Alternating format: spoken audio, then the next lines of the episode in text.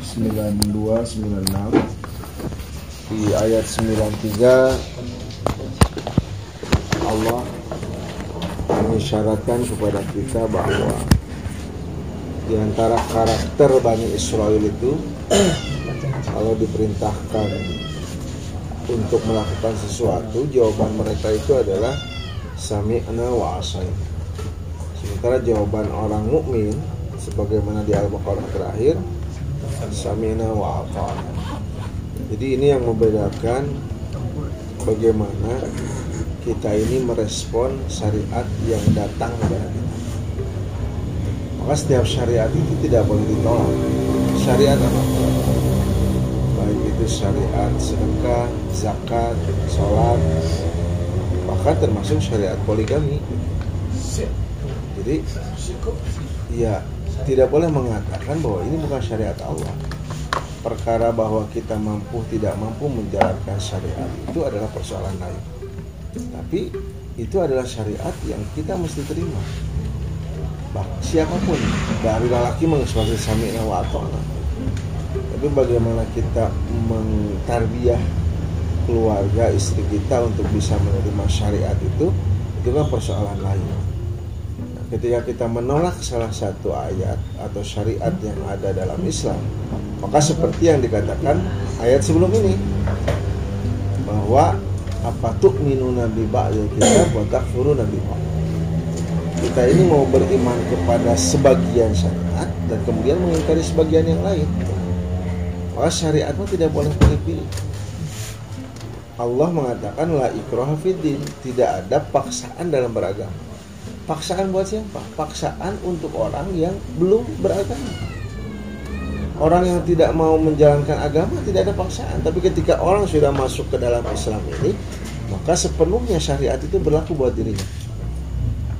Nah kenapa karakter orang Bani Israel seperti itu? Karena mereka berharap ya, berharap dan punya keyakinan bahwa mereka akan hidup selamat dan dunia itu menjadi cita-cita terbesar yang mereka miliki.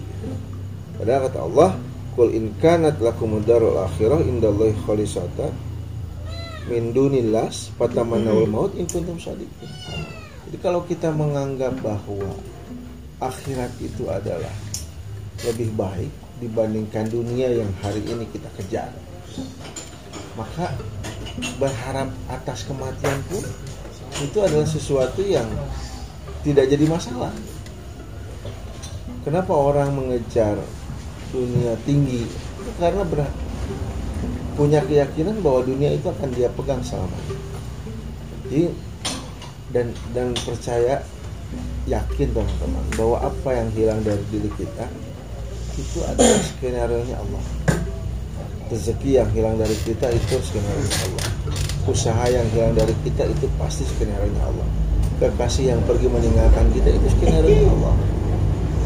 Apa pun. Ya. dan kehilangan itu bisa jadi dialami oleh setiap orang dengan kapasitas yang berbeda. Bagi kita kehilangan usaha itu menyakitkan. DU karek tutup di air tengah dua kali kali dicabut ini tahu gitu. Saya saya mengamat ini dari karek tutup tengah di dua kali ya mudah-mudahan kita doakan mudah-mudahan Allah luaskan rezekinya. Udah didoakan anaknya tapi yang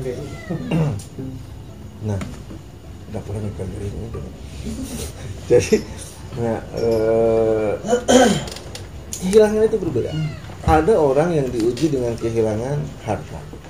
Ada orang yang diuji dengan kehilangan keluarga ada orang yang diuji dengan kehilangan orang yang dicintai. Ada orang yang diuji dengan kehilangan bahkan harga dirinya. Setiap orang diuji dengan kehilangan sesuatu yang dicintainya pasti. Kamu orang cinta ting karena usaha orang, lengit pasti usaha.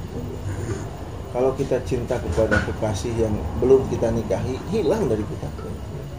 Kalau kita terlalu mencintai sesuatu yang bahkan tidak kita dekatkan kepada Allah maka ketika kita kehilangan berat kehilangan itu. Maka bagaimana agar kemudian rasa kehilangan itu tidak menjadi musibah besar buat kita? Tapi temanya kumulai semuanya itu dengan bismillah. Jadi Bismillahirrahmanirrahim. Ini kan ayat pertama yang menjadi cikal bakal dibukanya ayat-ayat Al-Quran. Nabi Nuh ketika menggerakkan perahunya maka Nabi Nuh membaca Bismillahirrahmanirrahim lalu kemudian ketika Nabi Isma Nabi Sulaiman me mengirimkan surat kepada Ratu Saba yang kemudian uh, terkenal dengan kehebatannya suratnya kan dibuka dengan innahu min Sulaiman bismillahirrahmanirrahim jadi bismillah itu Masya Allah luar biasa kekuatannya. Makanya Nabi mengatakan kullu amrin tibadin la yubda'u bismillah fahuwa abdan. Setiap perkara amal pekerjaan usaha ikhtiar untuk menjemput rezeki, ikhtiar untuk membangun keluarga, ikhtiar untuk memiliki keturunan, ikhtiar apa pun la yubda'u bismillah kalau tidak dimulai dengan bismillah fawaftar maka dia akan kemudian hilang. Hilang apanya? Hilang keberkahannya. Jadi ingin usaha kita berkah ingin pekerjaan kita berkah ingin ikhtiar mencari rezeki berkah berkah maka mulai dengan basmalah. Kalau kita meyakini bahwa apa yang kita lakukan itu baik gitu. Karena bisik mana itu aina namun maling maka bismillah gitu.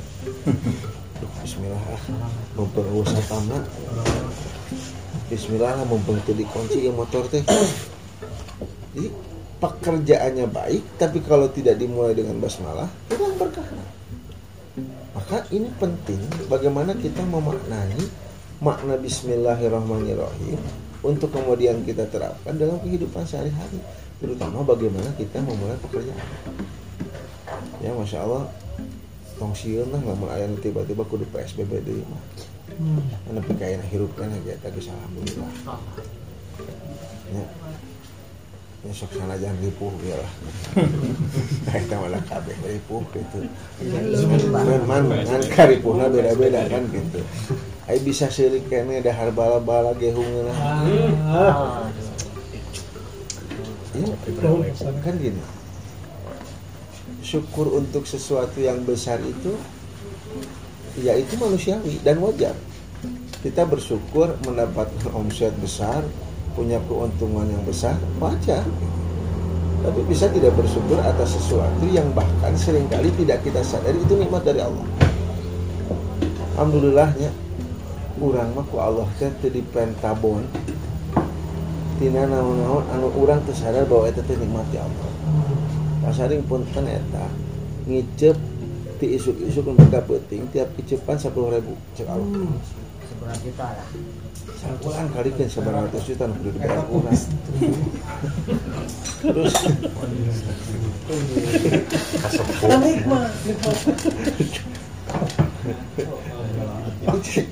Kan orang tuh sadar itu itu rezeki yang kemudian sering kali tidak kita sadari gitu. Dan ulama Kenapa? Karena kita sering kali memandang nikmat itu yang terasa yang besar. Padahal nikmat kecil yang Allah berikan kepada kita itu luar biasa. Dan pernah tidak kita mensyukuri nikmat Allah atas tidak panjangnya bulu mata kita? Hmm. Mama bulu mata panjang sih buuk gitu. Iya Papri aja mau ganteng dulu ya tuh. Ayo bulu mata panjang mah gitu. Tambah tambah. Kalau gitu jadi ketika nikmat ya Allah. Ya, nikmat ya Allah masya Allah. Mau ayah pak pria namun huntu manjangan uh, digunting tiap hari so jadi nyangkut terus pak. Ya Allah. Ya itu tadi. Jadi bersyukur atas sesuatu yang besar itu biasa. Jadi bersyukur untuk sesuatu yang kecil ini ya sering kali tidak mampu kita lakukan. gitu jadi menjawab tadi mah malah mau enak PSBB kan jadi ada ah sana ada mah alhamdulillah ya. tapi kan usah dia usaha kudu tutup dan sebagainya ada UG tutup ke efeknya PHB jadi sepi apa ya ngaji di imah apa gitu tapi kan kudu jadi bubar gara-gara uh, usaha mah tidak naon gitu. Oh gitu. Stephen gara-gara Stephen Stepan ini saya Bubar malah. lagi bubar buat mata-mata Jadi mata-mata Budis Siapa yang bubar? Siapa yang bubar? lagi sedih bawa motor soalnya. Oh, Jadi Ramen hot ya. makanya cara cara kita dengan cara orang yang tidak diuji dengan keimanan itu pasti beda pandang. Nah, maka kenapa kemudian kita perlu memulai segala sesuatu itu dengan pandangan basmalah. Nabi itu ketika turun wahyu kepada beliau, malaikat Jibril kan membacakan ikro. Ya Muhammad ikro. Muhammad baca. Kata Nabi, ma'a Nabi Qori. Jibril, saya ini tidak bisa membaca. Terus ikro ma'a Nabi Qori sampai tiga kali Nabi Muhammad mengatakan aku tidak bisa membaca. Tapi kemudian kata Jibril, ikro bismi rabbikal ladzi khalaq." Nabi kemudian jadi bisa membaca, menghilangkan ketegangan karena melihat sosok malaikat Jibril. Itu bismi. Jadi seolah-olah malaikat Jibril mengatakan kepada Nabi, kalau engkau mau membaca bismi maka mulailah dengan menyebut nama Tuhan. Makanya bismi dalam surah Al-Alaq itu berbeda dengan penulisan bismi di awal surah. Nah, Bismi di awal di surat Al-Alaq itu kan pakai alif gitu. Sementara di awal-awal surah itu tidak tanpa alif. Itu tuh beda makna. Jadi bismi rabbika mah itu dibaca. Tapi bismi rabbika itu kalimat basmalah itu itu mengiringi apa pun yang dilakukan. Contoh misalnya menemukan mitarjo atau pakai basmalah, payu. Dia pakai mobil ditinggalkan usaha gitu makna hilang berkah itu omset besar. Tapi kita tidak rasa turun sebab kenapa? Hilang berkahnya maka agar kemudian usaha itu menjadi berkah Bismillah. Mulainya dengan basmalah. Dan masya Allah luar biasa. Udah. Udah. Mati. tidak ada agama yang paling lengkap yang mengulas bagaimana doa itu diajarkan di setiap aktivitas. Makanya lah agama nu lain ayat tuh mengajarkan doa ti mimiti hudang sare tapi kaerek sare deui. Ulah makan sup WC pakai doa. Keluar dari WC pakai doa. Pakai baju pakai doa. Rek nyisiran pakai doa. Lihat cermin pakai doa. Keluar dari rumah untuk beraktivitas pakai doa. Mau naik kendaraan pakai doa. Semua pakai doa. Tapi ke urusan Tuhan dia pakai doa. Artinya apa? Bahwa Islam itu membingkai semua aktivitas seorang muslim itu itu dalam kerangka ibadah. Makanya slogannya apa? Hayatuna kulluha ibadah. Setiap hidup kami itu adalah dalam rangka ibadah. Saya sampai dahan ngarah jadi ibadah kudu di bismillah heula. Kamu teu bikin bismillah dituban. Copot rantai dah. Oh, atau dituntun. Jadi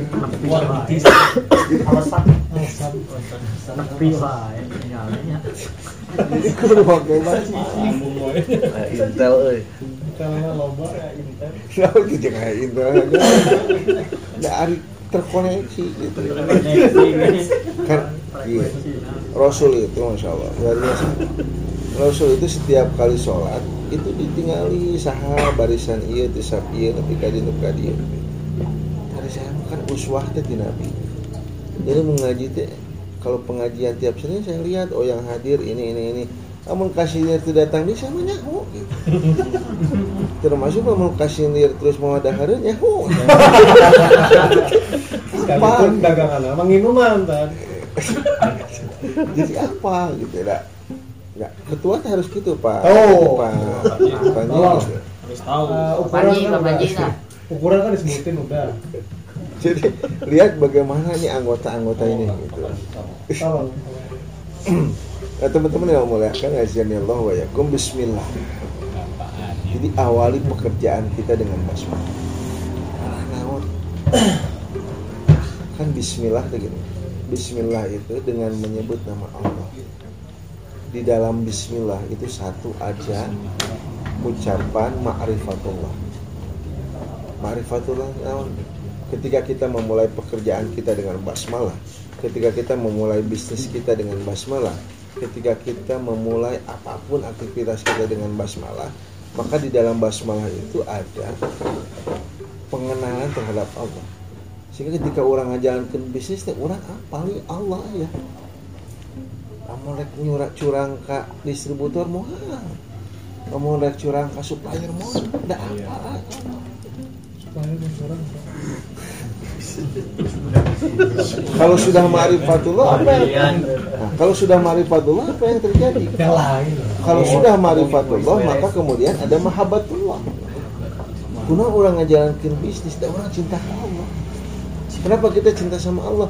Karena kita ingin menjalankan apa yang Allah ajarkan kepada kita. Nah, kalau sudah ada ma'rifatullah, ada mahabbatullah, ujung-ujungnya apa?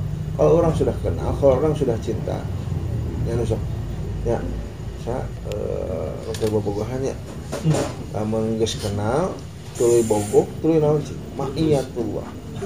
Mana-mana teh hayang jeung Allah. Kamana-mana teh hayang jeung si eta. Itu ma'iyah.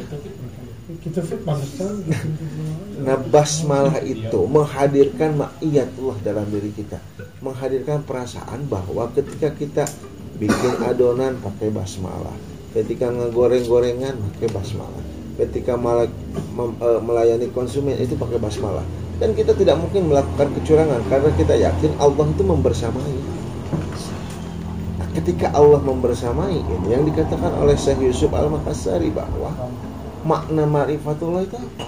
Idkhalus surur fi qulubil akharin. Memasukkan rasa bahagia ke dalam hati orang lain. Jadi orang yang sudah mengenal Allah tidak mungkin pada dirinya ada keinginan untuk menyakiti orang lain. Maka saya nusok tiktokan mere hiburan, si eta teh buah niat mah yang mere bahagia ka batur. Ya Pak Erwan. Lagi sedih. Oh, lagi sedih. Jadi idkhulu sirri fil qulubil akharin. Nah, makna basmalah itu adalah bagaimana kita memas agar kemudian kita punya keinginan untuk selalu memasukkan rasa bahagia ke dalam hati orang lain. Kan ini yang harusnya dimiliki oleh mental para pengusaha. Bagaimana kita memasukkan rasa bahagia ke dalam hati para konsumen. Kumaha carana? Ya ulah dimurah-murahkeun nepi teh untung. tapi pelayanan ditingkatkan ya terus kemudian makanan dijaga kualitasnya. Hak pekerja dibayar ya. Eh, selama kita masih bisa memberikan kesempatan kepada dia untuk bekerja beri kesempatan. Jadi bagaimana kita memasukkan rasa bahagia ke dalam hati orang? Lain nah memasukkan rasa bahagia ke dalam hati orang lain itu juga termasuk ya dalam kita berukhuwah ada orang ingin numpang usaha di tempat usaha temannya ya kasih. Ya, sebanding usaha yang numpang lampak di bebek anjis boleh gitu. Ukur sampai ke akhir bulan gitu. Stick ranjang tuh. Nyampe bulan aja nak tempat lagi jadi terus dong di pikiran nyampe Pakai kawin we lah gitu sinyal? Goy. jadi ketika kita memberi kan kan gini kata Nabi man karraba kurbatan al muslimin karraballahu lahu yaumal qiyamah barang siapa yang meringankan beban seorang muslim maka akan Allah akan ringankan bebannya di hari kiamat jadi kamu orang kita dong ngecek naon enggak enggak gitu Kalau sesat. Mau nge-kick dulu. Pesan Pak Eka jupling. Jadi barang siapa memasukkan rasa eh, barang siapa meringankan beban seorang muslim maka Allah akan ringankan bebannya di hari kiamat. Nah, jadi orang punya tidak mental untuk meringankan beban seorang muslim lain sok lamun ayeuna PHB teh ngarasa ieu jadi kumpulan ukhuwah bebankan dengan teman-teman yang ini mungkin tidak bisa punya usaha karena lahan usahanya mungkin ya kaganggu gitu. Ya contoh misalnya DU ya Insya hari ini belum ada kabar dibuka lagi. Eh, terakhir sih lagi dirapatin satu kali lagi kan hari Selasa. Jadi ya ini pasti lah. ini mah ini mah pasti skenario Allah. Ini skenario Allah dan selalu kan gitu. Kalau kita berpikir bahwa semua asalnya dari Allah maka jadikan setiap musibah itu adalah ladang kita untuk bermuhasabah. Jadi kalau hari ini misal usaha kita terhenti, kalau hari ini misalkan usaha kita mundur, ya jadikan itu lahan muhasabah. Bisa jadi mungkin ada dalam usaha kita tindakan perbuatan yang tanpa kita sadari menzalimi orang lain. Atau tanpa kita sadari itu juga mengambil hak orang lain. Ada doa teman-teman di luar sana yang mungkin terambil haknya oleh kita. Jadi kita muhasabah. Karena karena lempeng hati dalam mau dipikiran marungsi gitu. Hari ini di pikiran PSBB kumaha oke lamun kejadian deui pusing gitu. Tapi geus dijalankeun mah nepi ka ayeuna eta ting ti Maret hari rupnya nah ini ayeuna di dieu. Kan di arep kan bener gitu. Mulai memberi ngap-ngapan ku corona gitu. Tapi alhamdulillah hari ini kita masih bisa berkumpul tertawa makan bareng. Bisa kena ngaji bisa kena baca Quran suatu nikmat yang luar biasa masya Allah ketika orang lain tutup ayo udah makan muka Allah. Tuh. langsung dua kalau tidak ada corona hari kemarin mungkin tidak akan ada ide gagasan cemangring wah kan jadi bisa pun yang kemarin ku ayana grup jadi Stephen Ring kan? Stephen Ring.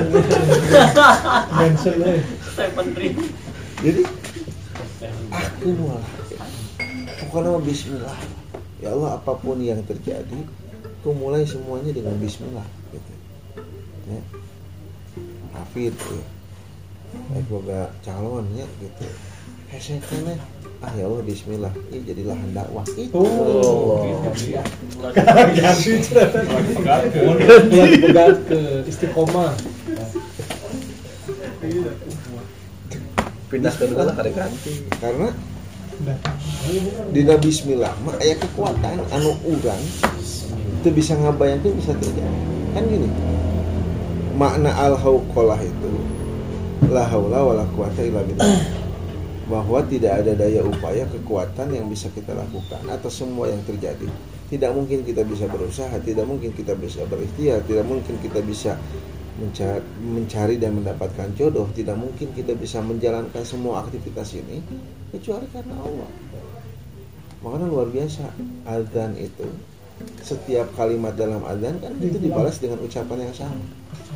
Tapi ketika Allah mengajak kita hayya ala sholat apa yang kita jawab wala billah. kenapa?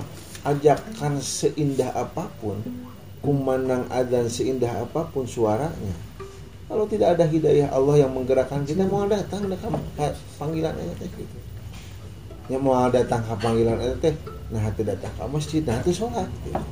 dah hayya ala sholat mah ajakan sholat dan ajakan ke masjid gitu. Ajakan sholat. Bahwa ada orang sebagian yang tidak mengindahkan kata-kata itu kenapa? Ya karena hidayah cahaya makanya hari ini ketika kita masih bisa menjawab panggilan azan dengan menjalankan sholat nanti bus nikmat luar biasa. Hayya alal falah. Kalau orang sudah menjawab sholat maka kemudian hayya alal falah. Pasti orang dapat bahagia. Makanya ingat ya dulu pernah saya katakan kalau kita tidak tahu dari mana kita mulai memperbaiki hidup maka perbaiki sholat. Kalau kita tidak tahu dari mana kita mulai membereskan masalah-masalah kita, beresin dulu sholat kita. Kalau ada sesuatu yang tidak beres dengan hidup, ayo itu beres dengan sholat.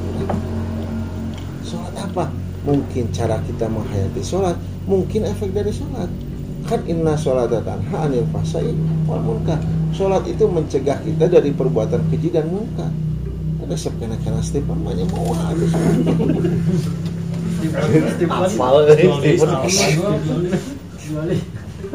Jadi, nah bisa jadi kita penghayatan kita atas sholat belum selesai.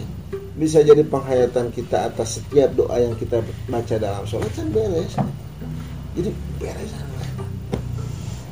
Nah basmalah itu itu memberikan kekuatan yang luar biasa pada diri kita untuk melakukan apa pun. Anu tadi nak teka bayang kudu kumaha muka usaha anyar di tengah wabah gitu. Ah bismillah lah ya Allah saya mah da ieu mah. Jadi kan mitarjo Hmm. Ah, Bismillah ya Allah mah ikhtiar saya yang rezeki nu halal ke keluarga. Jadi usaha. Jadi ulah ah bismillah ya Allah saya mah cicing di imah. Hanya mau jadi nanaun. Ini cicing nih imam gitu. Ya, maka basmalah mulai sesuatu itu dengan basmalah. Nah, bismillahirrahmanirrahim. dengan menyebut nama Allah Ar-Rahman Ar-Rahim. Ya. Ar-Rahman itu berasal dari kata yang sama dengan Ar-Rahim. Rohima. Kacanya itu sayang, tapi diterjemahkan dengan pengasih dan penyayang. Ngarah beda we tamah gitu. Padahal dalam bahasa Arab itu Rahman dan Rahim itu punya makna yang jauh berbeda. Rahman itu sifat Allah, asma Allah yang menunjukkan bahwa kebaikan Allah itu seragam, rata. Allah itu baik kepada siapa pun yang menjadi hambanya. Makanya panggilan Allah dalam Al-Quran itu sering kali dengan ucapan Ya ayuhan nas. Wahai orang-orang mana? Siapa pun yang dipanggil oleh Allah Yang beriman yang tidak beriman Maka kena panggilan Allah. Maka rohmannya Allah itu adalah Kebaikannya Allah kepada siapa pun yang hidup di dunia ini. Dia beriman mau tidak dia beriman Allah berikan rezeki. Mak, Ini menjawab pertanyaan kita. Kenapa ada orang yang tidak beriman kepada Allah Tapi diberikan kekayaan yang banyak Eta rahman Allah. Ada orang mukmin tapi kemudian tidak diberikan rezeki yang banyak, itu juga rahman Allah. Sok lihat di surat Ar-Rahman. ya, Allah itu menerangkan nikmat luar biasa yang akan diterima. Makanya pabi ayi ala rabbikum tukadziban kan itu ketika Allah menerangkan nikmat yang biasa. Tapi kemudian ketika Allah nerangin nikmat, ngegejlik sekali. Anu, cik. Hadihi jahannamul lati yukadzibu biha. Inilah neraka jahanam yang sering kali didustakan oleh orang-orang yang berbuat jahat. Terus apa jawabannya? Yaitu punah bainaha wa bainah hamimin an. Pabi agi ala rabbikum an tukadziban. Kumaha ieu jahat neraka jahanam itu dipandang sebagai nikmat. Allah telah menyiksa. Hanya seperti halnya kita ketika kemudian mendidik seorang anak bisa jadi kadang kita gunakan cara yang tegas kan. Makanya Nabi ketika usia tujuh tahun anak kita tidak bisa sholat berikan ketegasan. Tapi tegasnya orang kabudak kita tegasnya wah tegasnya ah, orang yang menjadi budak mungkin ketika kita kecil orang tua kita pernah marah. Apakah itu kemarahan orang tua yang lahir dari emosi ya meskipun hari ini kita lihat manusia itu memang bejat. Nah budaknya dipayahan enak tapi kan nya, nya anak orang ke budak teh bisa cara dengan yang lembut bisa cara dengan yang keras. Begitu pun Allah gitu. Allah tuh memperlakukan kita dengan cara yang lembut tapi juga dengan cara yang keras. Dan itu adalah nikmat yang luar biasa. Jadi kalau hari ini Allah berikan ujian itu bukan karena Allah tidak sayang. Kalau hari ini Allah berikan cobaan sama kita itu bukan karena Allah tidak sayang tapi Allah tahu kapasitas orang. Misal ayeuna Ustaz nah ini usaha saya itu maju-maju Allah teh tanya ah gitu ah iya ulah boga pandangan ada ulah ketika kita memandang bahwa Allah itu adil ya. Orang terus diuji sejati batu mengenahnya wa asa rabbukum antakrahu syai'an wa huwa khairul Ya bisa jadi apa yang kita benci padahal itu baik buat Allah. Bisa jadi apa yang kita suka itu padahal tidak baik di sisi Allah. Bisa jadi hari ini kekasih yang kita cintai baik, padahal di sisi Allah kan tidak baik. Bisa jadi usaha yang kita pandang hari ini baik, padahal di mata Allah mah tidak baik. Bisa jadi usaha tutup hari ini, ya karena jalan ditutup, ah ini tidak adil ya pemerintah teh, ah tidak adil Allah kan bikin orang kudu jadi tutup. Padahal buat Allah itu mungkin baik. Jadi sering kali kita ini memandang tidak ikut pandangannya Allah.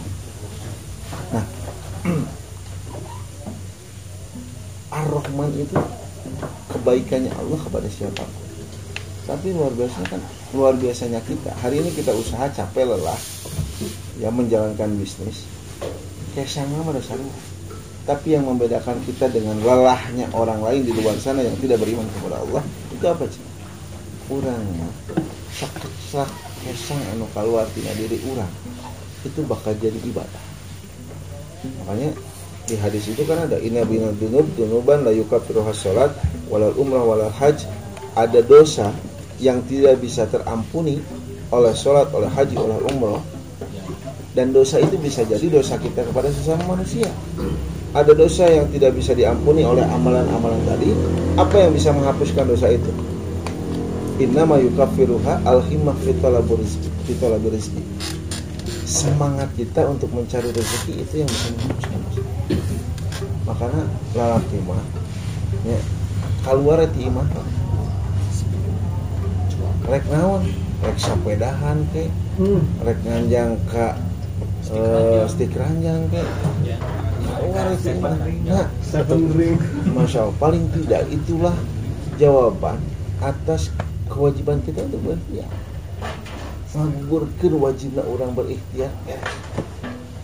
Ustaz, deh saya mah cicingna di im- eh, usahana di imah ya, itu jadi masalah. Gimana kuduna usaha di luar tapi orang jangan bisa ngajaran ke usaha keluar di imah. Famsu fi manakibiha. Kata Allah, bertebaranlah di muka bumi. Ya. Pantasiru fil ard. Wa idza qudiyatis sholat dan ketika sholat sudah ditegakkan, pantasiru fil ard. Eh, punya lapar. Amana. Da ari geus panggih, mah biasana sok aya kita teh. Pantau rezeki teh. Ya, pantau rezeki naon? Ya, rek pantau nginjem, rek pantau naon, kayak tam aya pokona mah gitu.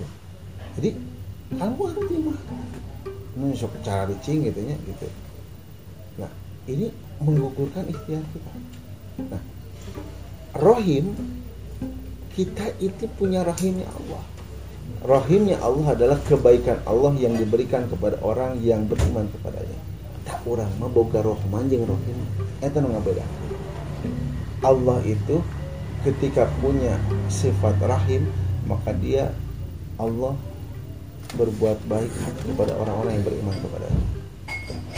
Namun disambungkan ejeng orang bermuamalah kurang teh kudu boga dan meneladani sifat rahmannya Allah dan juga menyempurnakan sifat rahimnya Allah.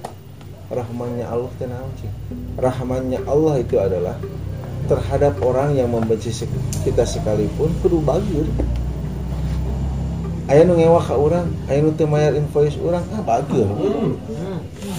Jangan digas-gas. Mundur kan bukan bangga. Oh, mundur. Tertunda sebentar. Dan ingat ya, diganti. Ketika ada orang lain berbuat jahat kepada kita maka fa'fu anhum wastagfirullah maafkan terus mintakan ampunan. Makanya ketika kita ketika ada orang lain berbuat jahat kepada kita maafkan lupakan ikhlaskan nah Ustadz saya mah nggak maafkan tapi saya mah tidak bisa melupakan. Oh itu can ngemaafkan da ari geus ngahampura mah pasti ngamaukeun lamun geus maukeun naon ah geus saya ikhlaskan ini ini teman-teman. Iya keur anu diinjeman hutang selama hutang antum belum dibayar oleh orang yang oleh orang yang meminjam maka selama itu pula pahala sedekah mengalir untuk antum Allah. Mohon, mohon. Ada yang mau ngasih pinjam. sarua Jadi kan al Islam mengajarkan orang yang dibuat orang yang meminjam maka dia harus terus berikhtiar untuk mengembalikan pinjamannya. Tapi orang yang dipinjami hutang maka dia harus memberikan keringanan kepada orang yang meminjam. Karena selama hutang itu tidak dibayar maka pahala sedekah terus mengalir buat Allah. Oh, senilai yang dipilih. mau alik kabang mah gitu perorangan Bocor. Nilai inflasinya tuh ngecot. Yang kio. Aduh. Yang balik. Sok, ada bunga sok. mau alik kabang mah emang ke perorangan Kena persen ya. Saring tuh udah sim sim. ini bungana Saring bentar, bentar. Saring tuh udah sim sim tuh. Bukan.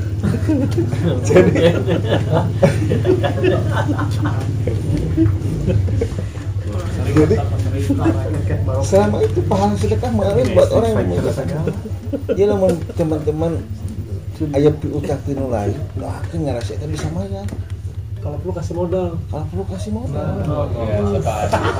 Bisa Pak Adi. Bener Pak ulah ditagi Contoh, contoh. Aja. Ya mau mau yang pahala ada mau. Kan pahala si eta mah geus digantian ku bunga pahala.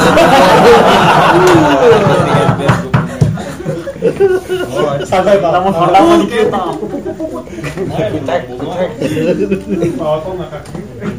Nah ini itu ini kebaikan.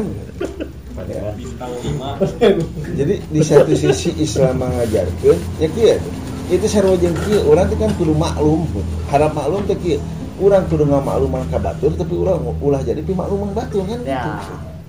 Hai ka batur mah harap maklum mah batur mah gitu. Nah, ulah ulah jadi pimakluman batur. Seperti halnya kita jangan pernah suudzon kepada orang lain tapi juga jangan pernah menjadi orang yang selalu disuudzoni orang-orang lain. Misalnya gitu, ulah suudzon ka batur teh naon? Yang mau aya batur penting-penting ngetrok imah janda tong maka suudzon gitu. Ya dong. Ya benar-benar. Tapi ulah urang ge ulah tong sok jadi pisu idoran batur gitu. Eh tengah penting datang ka imah janda kan rek naon? Eh, gitu. Kewe isuk-isuk. Ngeredim sup.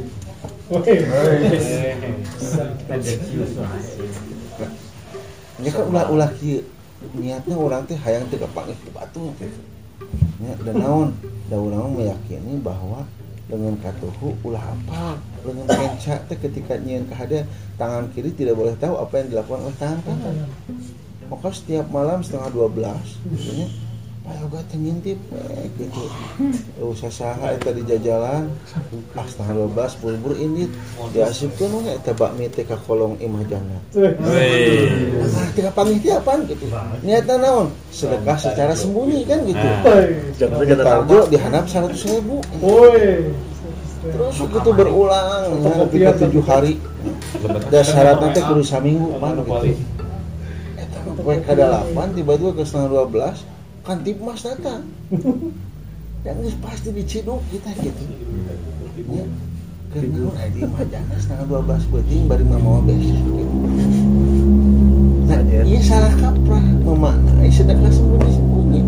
Kenapa? karena Allah mengajarkan sedekah itu sirron walad niatan. Sembunyi-sembunyi dan terang-terangan pun boleh gitu. Kita perlu terang-terangan agar tidak jadi fitnah dan bisa jadi dakwah kan gitu. Makanya i- ieu niatna saya ngajarkeun sok bawa ka dieu dahareun teh gitu. Itu nggak jadi dakwah ke lain gitu. Maunya kilu. yang teh manggali udah mau makanan ini lo aja teh pan era gitu Oh, ini potong. saya cuma Agresif. Statement. Better attack. kan era ada teh nu can mawa teh itu ra- rasa malu ketika orang lain berbuat baik itu luar biasa. Gak usah disebut namanya tuh. Bisa disebut. Pak Edo can mawa Edo hore dah apa Kortosin Edo mah kudu Eh, ya. ungkapnya di Asesena tempera. Panjang durasi. Panjang hiji teh panjang. Kalau gitu Senin Arabin lah. Eh, Edo mah segitu mentalnya luar biasa mah geus mempan gitu Akhirnya benar. sepeda halus tadi. Itu tidak bisa dicirian panunggeus Wah, ayah catatan. ini ulah lah ku di sini langsung datang mau kopi kan anda hari ini mah acan anggar Supercar, supercar. Mau molen dibere ke istri batur. Oh, Mas eta teh. Ar-Rahman Ar-Rahim. Jadi di satu sisi kita perlu meneladani sifat rahmanya Allah. Rahmanya Allah itu apa? Berbuat baik kepada orang yang bahkan berbuat jahat sama kita. Teman-teman gini, masya Allah, kalau ada orang yang membicarakan keburukan kita, ya Allah kita perlu bersyukur. Nah, perlu bersyukur, itu perlu amat. Namun ayo ngobrolkan itu kan, ah Pak Adit mah terbalik gitu gitu gitu gitu. Dah sering di PHB kalau banu gitu. Si gawa nanya, padahal di tukang mah ngaromongkeun. Siap sok. Saya transfer, Pak. Nah, ketika ada orang yang membicarakan keburukan kita, bersyukur kita. Kenapa bersyukur? Sebab keburukan yang dia obrolkan itu tidak lebih banyak dibandingkan keburukan yang kita tahu di atas diri kita. Namun namun ayah ngomongkan, nah siapa mah karek apa sakit itu, orang mah lebih loba di sakit itu. Ulah ambek, namun ambek nah, orang berarti ujung. Karena kita merasa lebih baik dibandingkan apa yang dia omongin. Namun anu mungkin kagorengan orang, ya Allah alhamdulillah aib orang apa teh si eta teh sakitu gitu. Can apel aib orang di kamar cai kumaha. aib orang ketika SD kumaha sok nyingsat nyingsat. Serutan. Serutan. Aib ke SMP Pak Adit sok ke blow up tuh gitu. Dobling teh ada apa. Di pohon, pohonnya. Iya. Kotar, kotar. Jadi ketika keburukan kita dibicarakan orang lain, alhamdulillah bersyukur ya Allah. Eh tahu pun ayo maka panggil kita. Kenapa? Karena kita lebih tahu dan kita sangat banyak tahu tentang keburukan yang kita miliki. Dan mau apa kurang sangatnya kurang itu. Anu apa? Anu apa? Itu teh ngomong ke aibnya teh. Bro, kapagi bro. jadi temen ibu dong yang nggak mungkin ah kurang terima gitu bersyukur lah gitu ya kenapa ya alhamdulillah. Sakit itu nggak apa aku mana nama? Dan yang kita minta sama Allah apa? Allah masuk aurat ya Allah tutup aib apa kabe? Dalam mah tuh meruluk atuh gitu. kita ini nggak ada apa-apanya. Nah, makanya ar-Rahman ketika ada orang lain berbuat jahat kepada kita sok beres saya tetangga anu buat baik ke orang ya selalu tidak pernah menampilkan muka yang manis. Orang balik di luar kota bawain oleh-oleh. Oh, Mak, ingatkan, Mak. nah kita mah nggak tahu sampai pemberian keberapa orang yang berbuat jahat kepada kita jadi baik. Allah. Ya, langsung gitu kan di Ciduhan tapi kak kangen gitu begitu uang nyeduhan teh ke mana orang yang suka meludahi? Oh cerita tidak amang ya Rasul. Kan akhirnya ditengok namun akhirnya tiba-tiba yang ngomongkan usaha orang karena parkiran direbutkan Akhirnya pindah deh. baik gitu. Dan orang mati apa sampai pada parkiran keberapa? Motor keberapa? motor keberapa? Sampai pada motor keberapa? Usaha orang jadi maju deh. Ulah jadi uh gara-gara motor parkir ya. Masya Allah mantan. Terlebih saya, mah cuma ingin mengatakan bahwa lihat teman-teman gini. Saya eh, beberapa kali lihat sama Pak Eron video waktu mampir tiga ya di Cipara itu. Ya Masya Allah ada gambar Pak ya Pak Pak Rama tuh aduh akrab sekali gitu. Oh. saya rindu momen-momen itu beneran Ada videonya. Balikan dong. jadi enggak itu mau kan hadir semua kan ingat saya gitu semua hadir teman gitu Ah iya. ada yang nggak pernah datang ngaji pun hari itu hadir gitu ya ya kan Ustaz Syeni juga datang kan gitu Nah, Saya putar putar. datang gitu ya. dan masya Allah lihat keakrabannya luar biasa gitu itu tuh kan itu majelis Mabit empat. itu tuh majelis ukhuwah gitu. tapi rusak gara-gara majelis muamalah tak eta Mabit empat. Mabit empat ya itu Siap, siap, siap. Mobil itu baru tiga, Pak. Ya mau. Mau oh, nanti Oh, mau siap, siap. di vilanya Pak Ria. Siapa tahu bisa mengembalikan keakraban. Nah, Siap, siap. Saya mungkin mungkin. Lama. Nah, sifat ar-Rahman itu begitu. Ya ada orang yang berbuat jahat kepada dia baik aja kita. Ya. dan ar-Rahim itu maka teladani sifat ar-Rahimnya Allah. Sifat ar-Rahim Allah adalah sempurnakan kebaikan orang kepada kita. Jadi kalau orang lain berbuat baik kepada kita satu maka balasnya dengan dua. Ketika ada orang lain berbuat baik kepada kita tiga balaslah dengan enam. Berkali-kali lipat. Ulah ah si eta merena gepuk ah, nggak sebar gepuk deh lebihkan apa yang dia berikan di lebihkan apa yang dia berikan. Ketika dia berikan 500 ganti kurang usah juta. Ketika dia berikan 10 juta ganti ke 20 juta. Lain bunga iya pak. Merek. merek iya mah tapi gak mungkin sih gitu. Oh, Jadi, ketika ada orang ngasih stik ranjang kasih deh ku ayam tumpah. Gitu. bosen tat. Dan itu kan sudah terjadi gitu. iya pedang na aya di dia kan no iya di ditu aya sore na aya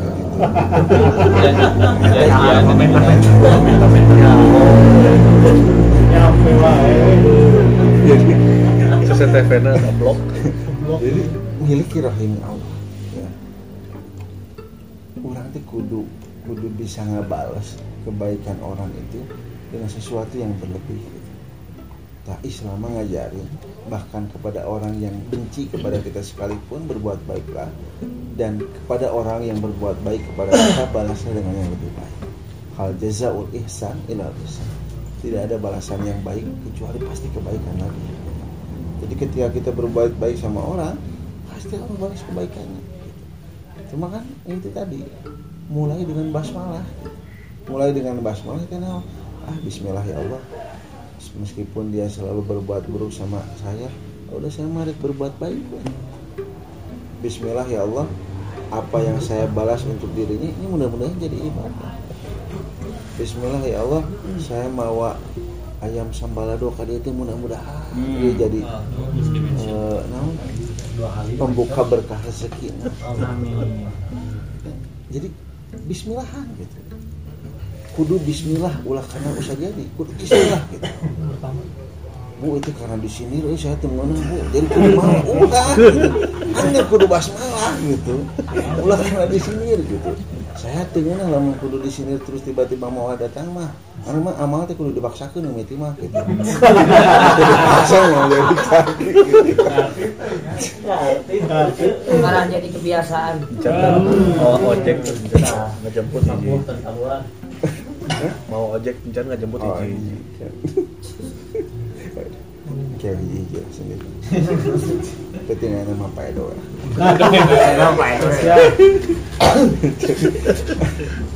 Bismillahirrahmanirrahim. Sok. Namun apa pun yang terjadi di depan, maka Bismillah. Ya. Apa pun yang terjadi di depan dan kita tidak pernah tahu.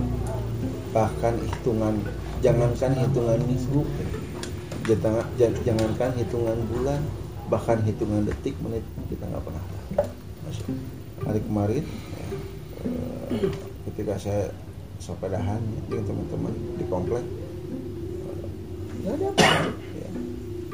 sepedahan di Majalengka kemarin terus kemudian ketika beres finish di satu track pertama tiba-tiba teman yang partner goes ditelepon sama orang rumahnya dikabari bahwa ibunya wafat. Mendadak luar biasa. Jam 9 sepedahan. Ulah sieun sok sepedahan. Dari umur mati Allah. Jam 9 sepedahan. Jam 10 pingsan. Dibawa ke IGD jam 11 sudah nggak masalah luar biasa Gara-gara sepedaan. Gara-gara sepedaan. gara-gara tuh mau dahar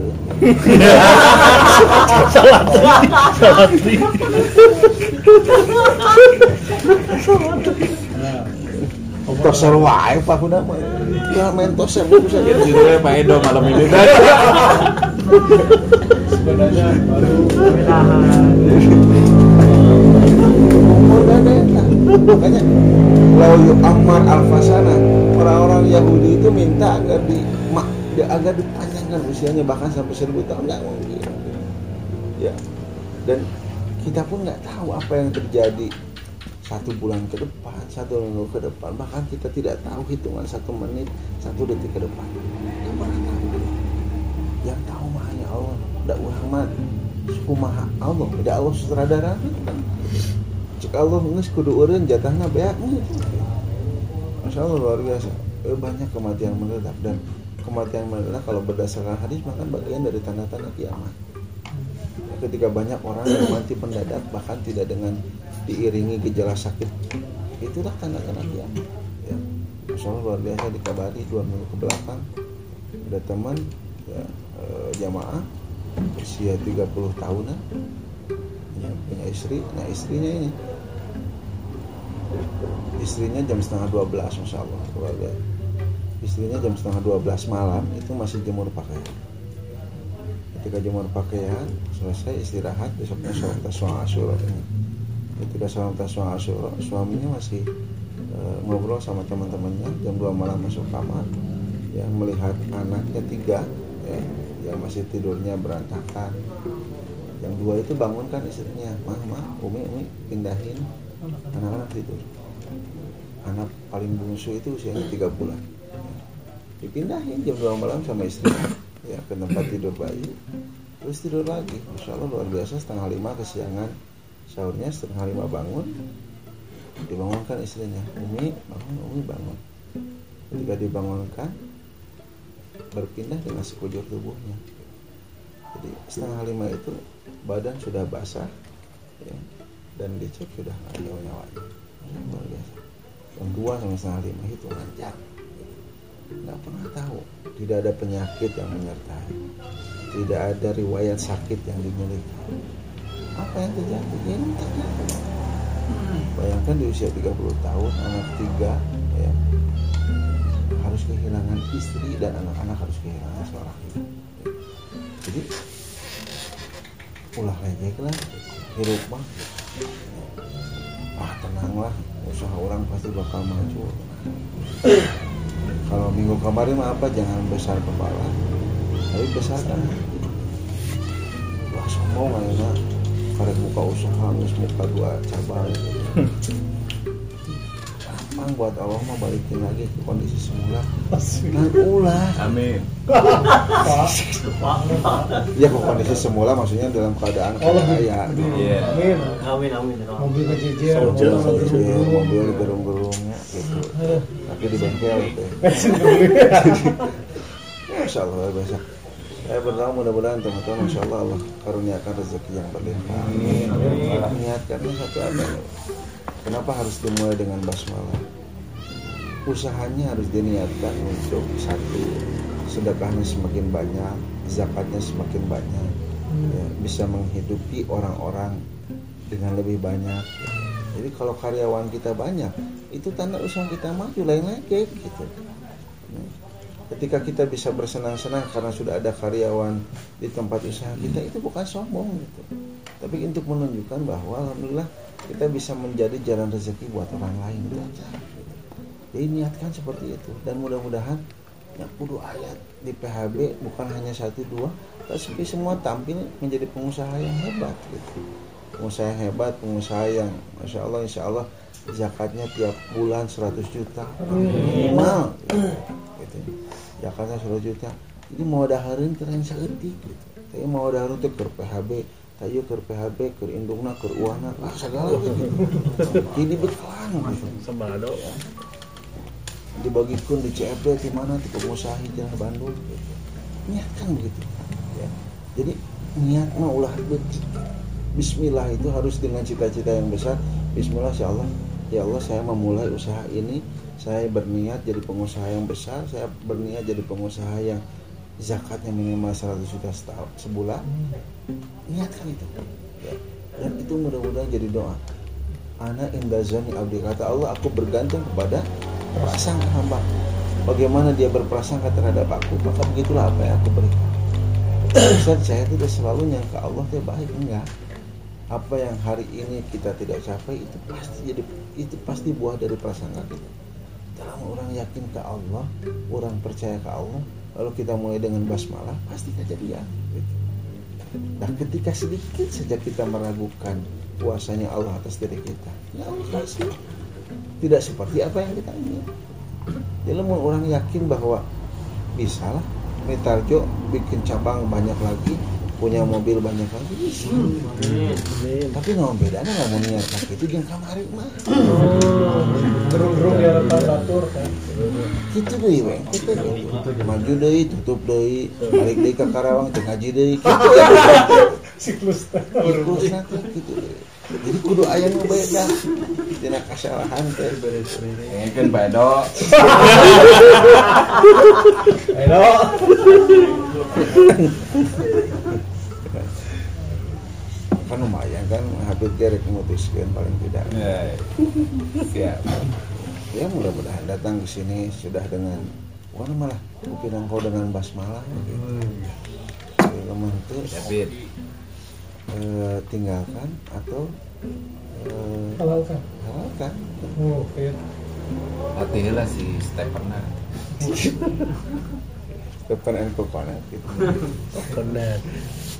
Itu saya teman-teman yang Allah muliakan azanallah wa yakum. Udah dipanjang-panjang dari amare kapai tadi kapai dulu gitu. Prosesnya gitu Eh, mudah-mudahan dengan basmalah kita bisa memulai sesuatunya. Dengan basmalah kita juga bisa memulai ikhtiar bisnis kita, usaha kita, apa pun yang ingin kita lakukan, soklip kira. Nah, yang jodoh aku Bismillah. oh baik. Ya, aku Bismillah mana yang lagi mau diberaga lip gitu. nah Kamu mau penjaga kantor nu harapan kamar ini. Gitu. apa kan Jadi Bismillah. Bismillah, Insya Allah eh, Allah bereskan masalah kita. Bismillah Allah majukan usaha kita. Bismillah kita cari rezeki yang berkah, yang halal, yang Allah peruntukkan untuk kita semua. Ya. Kita tutup sementara dengan doa kafaratul majelis. Subhanallah wa bihamdika asyhadu an la ilaha illa anta astaghfiruka wa atubu ilaik. Assalamualaikum warahmatullahi wabarakatuh. Waalaikumsalam warahmatullahi wabarakatuh. Jazakallah khair Ustaz. Eh, tidak sekalian, maka Oke, karena